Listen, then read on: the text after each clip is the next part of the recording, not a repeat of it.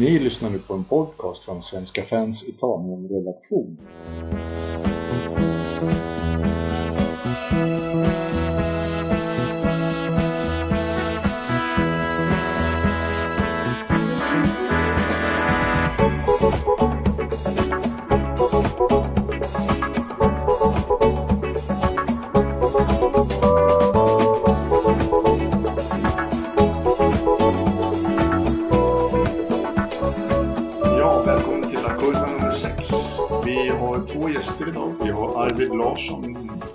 Lazio och vi har Filip Lantz på Roma-redaktionen. Eftersom vi har Lazio i Roma idag så kommer vi snacka lite debut och vi kommer också prata Oriundi. Landslaget har ju precis eh, spelat två landskamper. Vad säger vi om det? Är det någonting som är bu eller bä? Och så kommer vi nog gå in lite på Kina-marknaden. Det spelas ju fotbollsmatcher nu på lunchtid mer än någonsin. Det ska vi också analysera lite närmare. Ja, så välkomna. Får vi se vad som händer här. Det här med Oriundi, Arvid. Vad säger du? Det, vad Filip sa nu, Esson har blivit eh, italiensk medborgare för att han hade släkten bak i 1800-talet någonstans. Eh, ja, hur långt ska man gå? Ja, ja, självklart är det så att man liksom har hittat ett, ett släktskap för Emerson för att kunna bli eh, italiensk fotbollsspelare, landslagsspelare. Så det är ju Ventura som kanske söker en, honom som spelartyp. Eh, sen tycker jag väl i och för sig att det är en liten konstig signal att skicka till andra italienska vänsterbackstalanger. Liksom att man plockar upp en, en, en naturaliserad brasse för att liksom de skorna i italienska landslaget. Det får man väl, ja, jag tycker väl att det är väl både bu och bä med det liksom. Sen finns det ju mycket andra värre exempel där man liksom direkt värvar spelare som en tillhör andra eh, landslag eller länder. Så som det kanske sker Qatar, vi ser det i Qatar idag som där brassar får expressliv till att få medborgarskap för att sedan kunna representera Qatar i kommande mästerskap. Så det tycker jag väl är, liksom är mer anmärkningsvärt och, och illa. Ja, men det är ju lite konstig känsla. eller Vad säger du Filip? Att liksom få ett medborgarskap på, ja, utan att känna för landet. Ja, alltså det kan ju vara så att de känner för landet. ska vi inte säga någonting om. Emerson har ju ändå, spelar ju ändå i Italien nu och i Roma och är ju en jättebra fotbollsspelare. Men jag tycker ändå att det blir, alltså det blir ju lite av en värvning ändå att man, ja men man, nu har man letat upp en eh, släkting från 1850-talet som är född i Italien. Ja men, ja var, varför gör man det? Folk sitter och släktforskar för det är roligt säkerligen. Utan det blir ju nästan som att värva och hitta något slags band till landet för att kunna få in dem. Och det, jag tycker väl inte att det riktigt rimmar. Det är väl en annan sak om det är ja, farmor, farfar som kommer från landet som man på det sättet. Men det är, längre än så tycker jag inte man ska gå egentligen. Mm. Nej, men det är väl också, även om det så att de om de kan bli med, eh, med, få medskap och inte, finns det faktiskt att man kan välja att inte ta med dem om man tycker att det inte känns riktigt. Eller kan man, kan man säga så? Tar du inte någon, alltså har du inte en bättre spelare på den positionen så är det klart att oavsett vilket landslag vi pratar om så skulle de ju ta med den spelaren om det fanns en tillgänglighet till det. Det kan ju inte jag, alltså du, Eh, ja, kollar man fotbollen överlag så resultat man eftersträvar. Det är ju inte egentligen alltså vilket land personen från början. Det, förbundskaptenerna strävar ju lika mycket som klubblagen efter ett resultat och någonstans kunna alltså, ta sig vidare. Och i det här fallet är det ju att ta sig till EM då först och främst för landslagen. Mm. Ja, för det är ju enorma pengar i det egentligen. Så att, eh, Ja, spelare blir ju aldrig väldigt mycket mer värdefull om man representerar det italienska landslaget än om man representerar något annat. Jag tänker lite som exemplet med Napolis Amadou Diabara som också nämns lite i den här diskussionen om bli liksom medborgare nu efter kanske bara kan, tre år tror jag det är i landet som han liksom nu ska eh, få ett italienskt medborgarskap och kunna spela i, i Giasuri. Och det, det, det har ju inte så mycket med släktskap att göra utan det är ju för att han ja, öppnar upp själv för den möjligheten. Har liksom inte representerat Guinea eller har inte velat representera Guinea på seniornivå. Och där har vi han ju fortfarande liksom tillgänglig, bara han liksom har ett... Eh, och det, det, det tycker jag kanske att han sticker ut lite rent kvalitetsmässigt. Så det, man tycker ju att en, ett nytillskott kanske ska tillföra någonting som, som eh, en spets eh, om man jämför liksom, ja, vägen för, för talanger så. Eh, det, där tycker jag kanske att Diawara känns lite mer spännande nyförvärv än vad, vad Emerson är för mig. Så. Så att, mm. Det pratar även om Fazio, om vi ska hålla oss till Roma. Det verkar vara där de försöker fynda just nu. Ja, det är så ja. Mm. Men eh, annars, Orion, det, Eder har ju inte gjort succé, men han har gjort så bra, bra ifrån sig som Orion. Och han ifrågasätts väl aldrig nu längre, eller? Nej, det, han verkar bofast liksom i, i truppen. Jag vet inte att det är så många andra. Alltså, nu kommer han kanske få bli mer och mer en truppspelare tror jag med tanke på att man liksom har Immobile och Belotti, främst Belotti och tillgår numera så. Men även Petagna har väl kommit på senare tid. Jag tänker det, är väl, det, har väl blivit, det har väl varit en ganska naturlig grej i italienska slaget. Liksom, vi har ju från gamla mer kända, liksom Cameronesi en gång i tiden. Jag tänker sågar över han att han blev italienare idag. Så. Eh, mer otippad Orion det var ju annars liksom Roberto Di Matteo eh, som spelar i Lazio, sedermera Chelsea. Han var ju inte i, från början, han var ju schweizer. Så han, han blev ju italienare. Flyttade ner från bergen och spelade ja. för Italien istället. Så att det, ja. Nej, det tycker jag väl. Det, jag tror väl att Eder har väl som sagt hittat hem. Men vi har ju en annan spelare också som är på väg att bli italiensk medborgare. Eller Vaja i Napoli. Mm. Mm, precis. Och han har ju inga rötter alls. Nej, nej. Det var precis, för det var ju det vi var inne på där. Så, så att det, det är lite som att han har fått en, liksom en extra behandling tyvärr. Det kan jag väl tycka är liksom, ser det mer illa ut, lite som man pratar om med Qatar-fallet. Där ska man inte göra skillnad om det är Italien eller Qatar som gör en sån uh, byråkratisk uh, expresslina. Så. Jo men alltså jag kan verka, som du säger inne på, Qatar då, det är ju liksom, det är inte första sporten de gör det så i heller. Kolla, vad var det, om vi ska gå utanför fotbollens ramar då, så var det väl handbolls-VM de arrangerade och då värmer man ihop ett helt världslag liksom. Det, mm. Och det för mig känns det väldigt konstigt när man, alltså representerar man inte sitt land? I, alltså det är där min första tanke. Mm. Hur kan man, alltså jag hade ju aldrig velat representera Mark till exempel fotboll. Bara för att spela fotboll där i fyra år. Det känns för mig helt ofattbart att man inte har mer heder som person istället. Att ställa upp för det landet man är född i. Men... Kanske, kanske man ska ifrågasätta istället då personerna i fråga som byter medborgarskap eller tar det till medborgarskap. Mm. Jo, men är det inte så kanske att de känner att de är mer italienare, att de har mer gemensamt med det nya landet de har kommit till?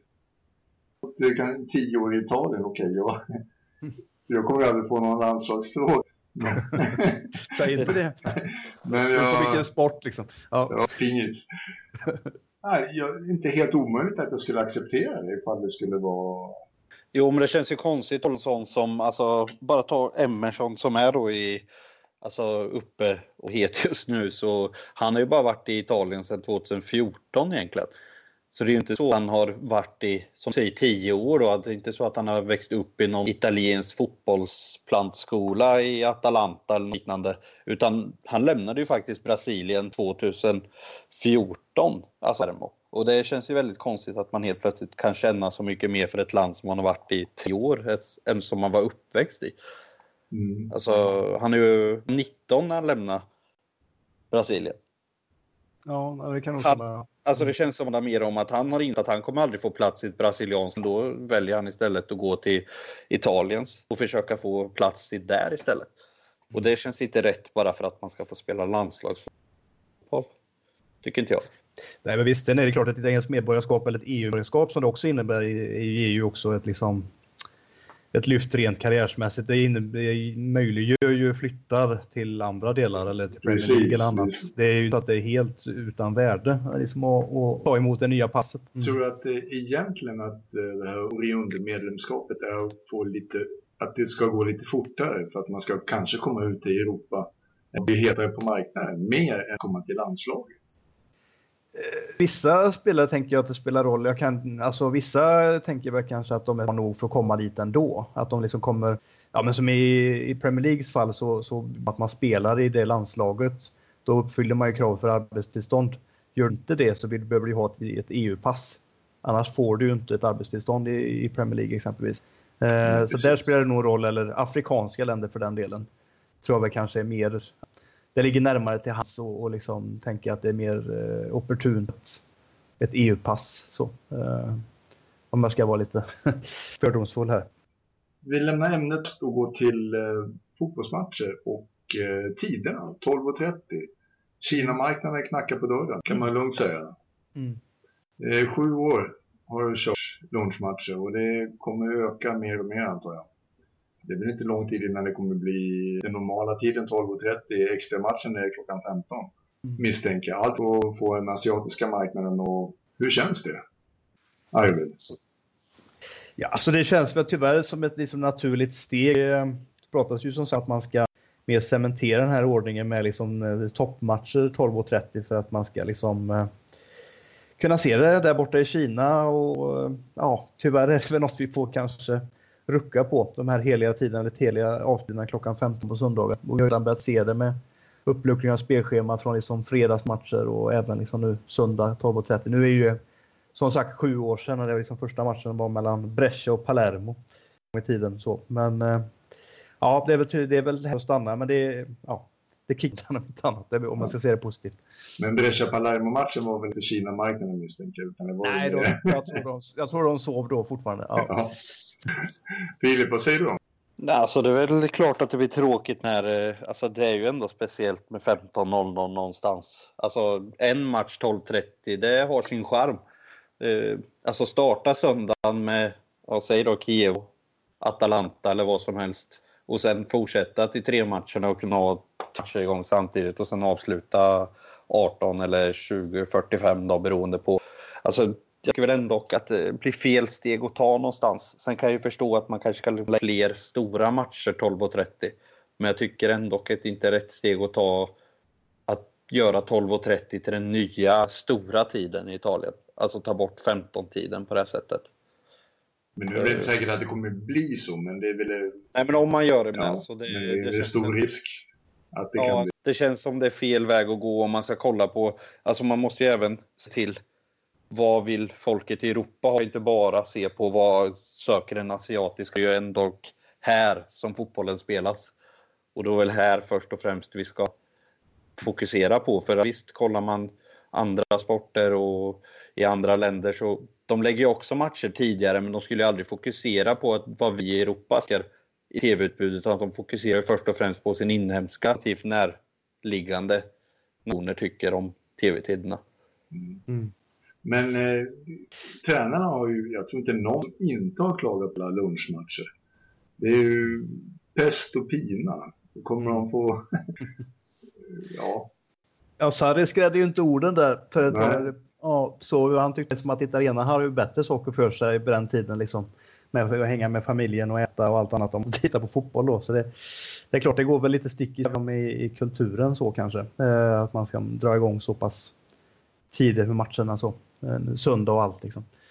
Så att, eh, ja. Jo, men jag tänker även mässigt för lagen. Alltså kollar mm. man på det är säkert någon lunch vid halv tolv och sen så om matchen börjar tre och sen så ska man ta sig till arenan. Det blir väldigt mycket alltså, tidigare med allting helt plötsligt.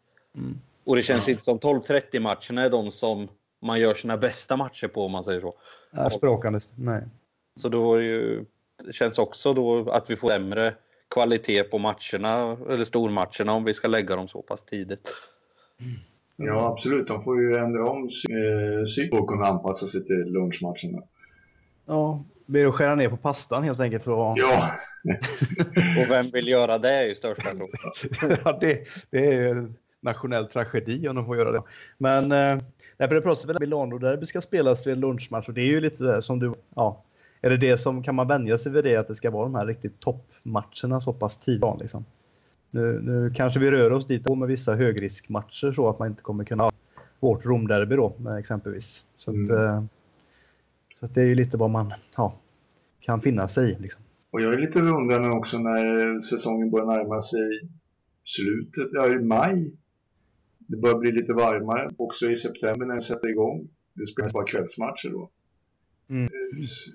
Eh, kommer det kanske bli så att regler, lag, matcherna som de väljer ut, att de inte lottas mer. Det kommer bestämmas att eh, stormatcher kommer spelas höst, mitt i våren. Och inte i slutet och inte på, på att inte riskera att få en match mitt, en lunchmatch i, som är stormatch i december eller maj. Ja, det, skulle det, förstöra, det skulle ju förstöra massor. Alltså kollar man på Alltså få den här avgörande matchen mellan ettan och tvåan bland de sista omgångarna är ju liksom toppen över it, liksom, om man ska, eller pricken över it om man ska se om det skiljer bara tre poäng. Ja. Alltså dö, döda det och lägga mitt i säsongen och sen så ska man möta plan från nedre halvan sista åtta matcherna. Ja, men det är ju inte jätte, det är ju inte så att topplagen oftast har. Så då har vi rent praktiskt avgjort ligan i april. I början av april och det blir ju helt fel. Mm, mm. Det pratas om att man ska tidigare lägga nästa säsong faktiskt. Till och med att eh, i mitten av augusti ska börja för Ventura har ju åtminstone önskat velat det för att man ska vara i fas redan när, när Italien möter Spanien i viktiga VM-kvalmatchen. Så det är ju anpassningens tid det här så att säga. Ja. Så då blir det ju ännu varmare för stackarna. Ja, precis. Ja. ja. då får det bara bli kvällsmatcher tycker jag. Ja. Ja, men eh, tv-avden då? Vi har ju lite, när vi ändå är inne på den med marknaden och tv. Det håller på att görs nya tv-avtal och eh, det förhandlas och förhandlas och förhandlas. Du har ju lite koll på det där. Vad, vad är folk, vad är de vill? Ja, det är väl lite olika de vill. Det är väl lite problemet så. Det har väl varit kanske tre, fyra olika möten och senaste ett möte som inte har lett fram till någon direkt lösning. Eh, det man vill är väl egentligen att sex av de större lagen vill ju liksom ha en lite större del av kakan. Den dels delar upp det i tre olika potter. En del eh, spritt över hela ligan eller lagen i rättvist. Nästa del som handlar om vilken eh, ja, procentuell del av, av supportrar man har i landet. Och en tredje om liksom resultat, alltså meriter som laget har. Eh, sen finns det ju andra ringhörnor, de, givetvis de lite mindre lagen och där också Lats. Eh, Kevo har någon anledning anslutit sig till topplagen. Jag vet inte riktigt varför de gör det, men det, det gör de. Och det är väl där de, de bråkar lite. Mindre lagen vill ha bortåt 50 procent av det du pratar om kanske. Det är ju alltså 1,4 miljarder euro som det pratas om. Och att 50 procent då ska gå och splittas över alla lag oavsett vilken, vilken klubb man nu än är. Och det vill ju givetvis inte de större klubbarna gå med på. Sen kan man liksom vända och vrida på det. Det tidigare avtalet sa ju 40% splittas eh, överallt. Liksom. Samtidigt för en klubb som Juventus är det en skillnad på 15 miljoner euro. Vilket inte är en skitsumma i sammanhanget. Det är ju trots allt ändå en värvning hit eller dit för dem. Om man nu tänker att de ska satsa för att befästa sin plats i hierarkin i Italien. Så, så att, det, vi får väl se. 13 april tror jag det är som nästa sittning ska vara. Så vi får se om de lyckas lösa det då. Man har fått så. en deadline av förbundet till den 16 april. Vi får se hur det går. Ja.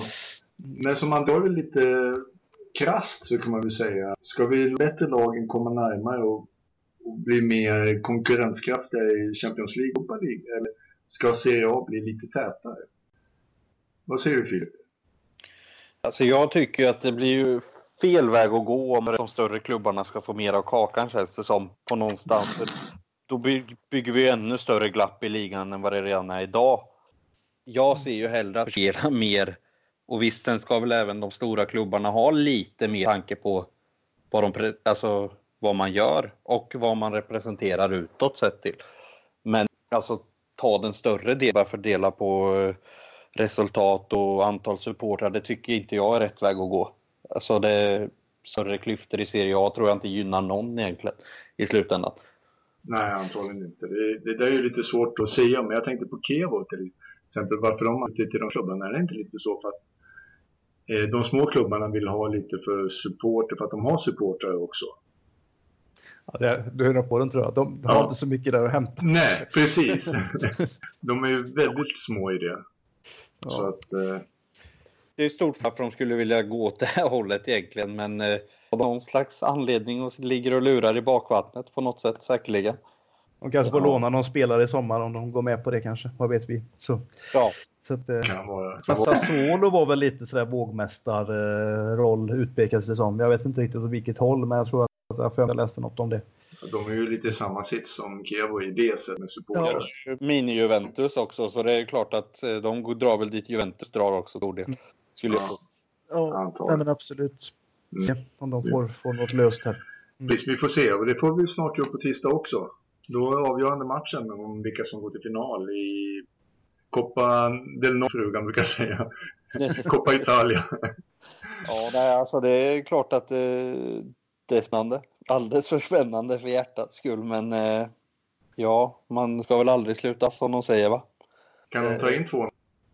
Ja, varför skulle de inte kunna göra alltså, eh, ett sjukare resultat i ett derby som så som jag, nu kom, verkar det ju faktiskt som kurvan tillbaka på första gången på ett och ett halvt år här nu då till derbyt och det, alltså det kan ju vara en jättefaktor om man ser på det på det sättet. Jag, det är inte omöjligt men eh, så många gånger som jag blivit besviken förr så det är ingenting jag hoppas på heller om vi säger så. Mest politiker, jag kan ge utan att börja skräda med orden. Ja, hur känns det för dig Arvid? Ja, det är väl som sagt det är väl svårt att vara med liksom att gå in med en 2-0 ledning. Sen eh, kommer det liksom den här gången att Roma ha en hemmafördel nu när man är borta och det kommer vara liksom fullt hus. Eh, så det kan ju vara en, liksom en faktor för dem om de får tidigt 1-0, men där hoppas jag väl att vi ska hålla oss hyggligt kalla liksom, och, och eh, lite reprisera det spel hade från förra mötet där liksom vi kunde stänga ner och, och liksom mot Roma. Eh, där, där är ju Roma som tidigare sårbara. Där liksom offensiven inte går hem. Så att, eh, det handlar väl om det egentligen. Ja, hur såg ni båda på den matchen? Filip? Ja, alltså det var ju ett rent plattall från vårt håll skulle jag säga. Det var ju, för det första var det en inställningsfråga för en gångs skull tyckte jag. Jag tycker inte man såg den, den som alltid finns annars vid Romderby. Sen om vad det hade med att göra är svårt att säga om man var psykiskt slutkörda eller om det var några supportrar medan Lazio hade i full kurva. Det är svårt att säga men alltså allt kan ju bara bli bättre härifrån just nu känner jag ju. Nej men det Förra matchen var ett platt fall. Den här matchen hoppas på en rejäl uppryckning och ja, åtminstone ger ett fullgott försök att ta ifatt och faktiskt sig till final. Då. Arvid, du såg du det då? Du menar 2-0 och ja, inte total dominans men kontrollerat. Ja, eh, och det pratas ju ändå om liksom ett segerrecept som var inför. Det var ju som en eh, ledarmiddag hemma hos Inzaghi som hade legat för att man hade lagt upp taktiken till den matchen. Får hoppas att de har en ny sittning här i, i, i helgen. Så. Men eh, det, det, var väl kontrollerat. Man, man eh, vände det som Roma kanske annars är bra på mot dem eh, och liksom höll Tjecko borta från målprotokollet. Plus att man liksom var effektiva för en gångs skull liksom när chansen till, till Sergej och även Immobile för den delen. Så, så att ja, man får hoppas att det är med samma effektivitet liksom, i, i, i den här. Men så. Sen var det ju ett välkommen vinst efter ganska ja, misärer under senare år. Liksom. Så att, det var väl då att bryta sviten. Så. Jo, men det ska ju sägas det samtidigt som vi gör en platt match så måste jag ändå ge all heder till Lazio som, som du säger utnyttjar alla de svagheterna som vi visar upp där. Och ni, alltså det är ju en bra match från Lazios håll. Ingen tar ifrån dem hur eller hur. Det är inte bara vi som är helt katastrofalt dåliga utan någonstans har ju Inzaghi hittat ett segerrecept där som man spelar på. Och mm. ska han ju ändå ha. Det, det går ju inte att blunda för hur alltså, subjektiv. Mm.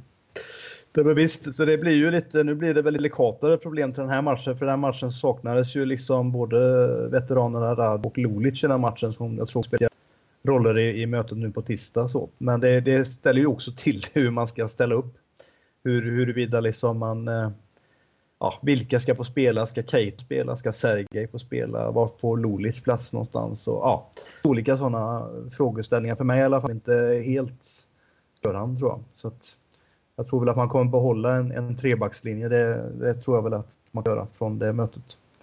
Jag ser det ju som att någonstans att nu har ju vi allt. Alltså det är, nu är det ju bara att köra på. Det är liksom bara ösa från minuten och framåt. Det, och man ser någon slags chans till att vända det så kan jag ju ändå se att liksom Lazio har ju allt i sina egna händer. Och det är liksom, nervositeten kan ju stiga om det blir ett snabbt ledningsmål. Nu, nu är det 2-0 minus på kontot. Det är bara på och bara kriga allt vad man har liksom.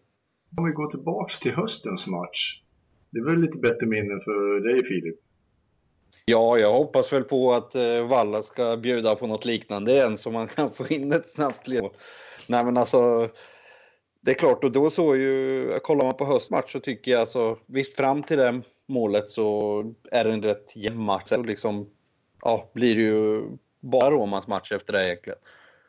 Och det var, men då var det en helt annan inställning också tyckte jag spelarna ville spela ett derby, de ville vinna. Nu verkar det som att antingen som sagt var man utkörda eller så var man rädda eller vad som helst. Det, det fanns inte samma grinta att spela på något sätt och vis. Nej, men jag såg, om man tänkte på den matchen i höstas, då kändes det som att Inzaghi var lite för svag Eh, manager för bra, mot bra lag. Att han blev uppkäkad och släppte där. Håller du med Alltså det är väl en av de stora kritiken som har varit mot säsongen att det är ju resultaten mot topplagen. Eh, där det har varit antingen alldeles för passivt eller alldeles för ineffektivt. Alltså, Eh, om inte man minst tänker på liksom det här med Milan för några månader sedan, liksom där Milan, eller Lazio egentligen nästan eh, trycker upp Milan mot väggen men lyckas stöten. Och så slutar det 1-1. Men jag tror väl att det fanns, blev liksom ett litet psykologiskt momentum nu när man slog ut Inter i kuppen av att liksom att ja, vi, vi kan slå. Eller, eller alltså bra lag liksom. Eh, och inte bara de här liksom mittenkonkurrenterna eller liksom. Eh. Så jag tror väl det var lite viktigt för psykologin i det här liksom att bryta den här idén om att man inte kan spela mot topplagen. Men det, det, det är väl lite en instråga och liksom att tro på, på det egna spelet liksom som, är, som är lite avgörande här. Liksom vad, vad, vem som börjar tro på sitt spel först i den här matchen. Mm. Vad säger du Filip? Jag menar att eh, vara lite självsäkra. Ja, alltså jag kan ju bara prata till min egen känsla inför matchen. Jag är ju aldrig, nu kommer det här låta väldigt fel, men jag har aldrig varit så säker inför ett derby att vi skulle vinna. Alltså det, allt talade egentligen för att vi skulle vinna. Det var liksom, vi har vunnit x antal i rad, vi hade en bra, vi hade inte visat upp några tecken på svaghet egentligen. Och sen så kommer det här fallet. Det är liksom, jag, det, det kan ju varit likadant hos spelarna att det varit för, alltså för självsäkert så att man inte jobbet i slutändan. Man förlitade sig på att det bara skulle gå.